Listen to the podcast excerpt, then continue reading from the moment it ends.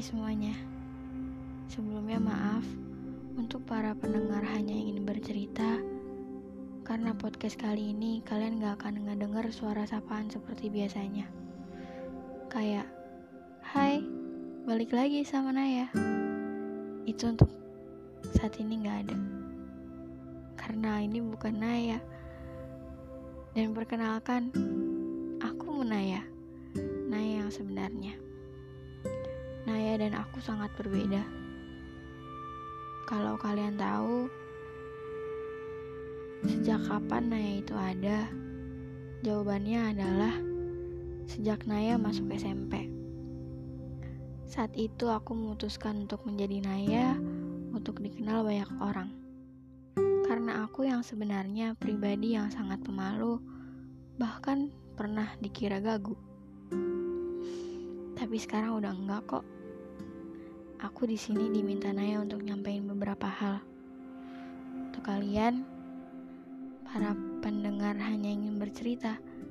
Sebenarnya Naya nggak tahu siapa yang ngedengar suara Naya ini selama ini.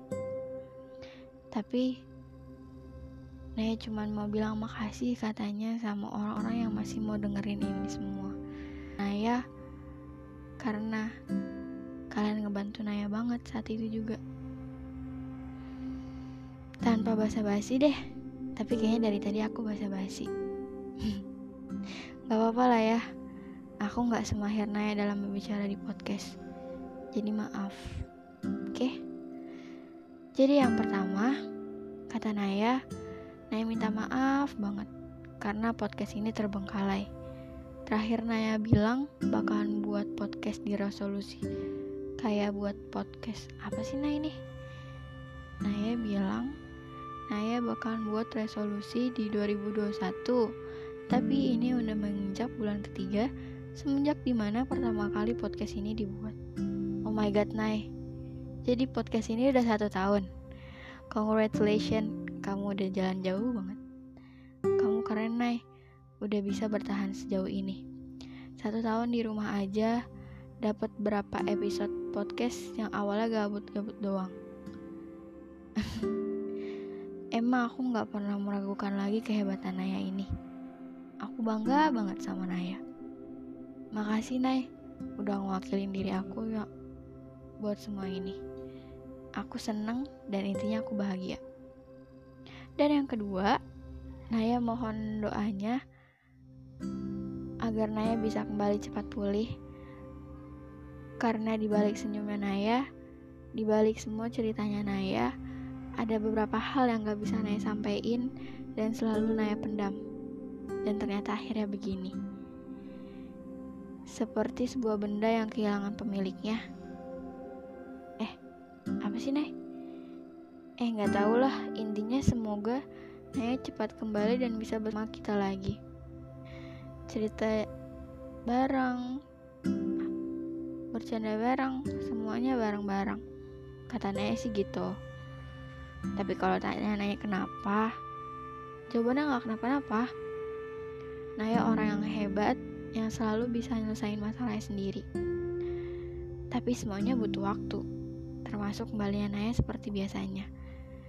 Naya tahu kok apa yang harus Naya lakuin, tapi kadang masih suka kalah sama egonya sendiri.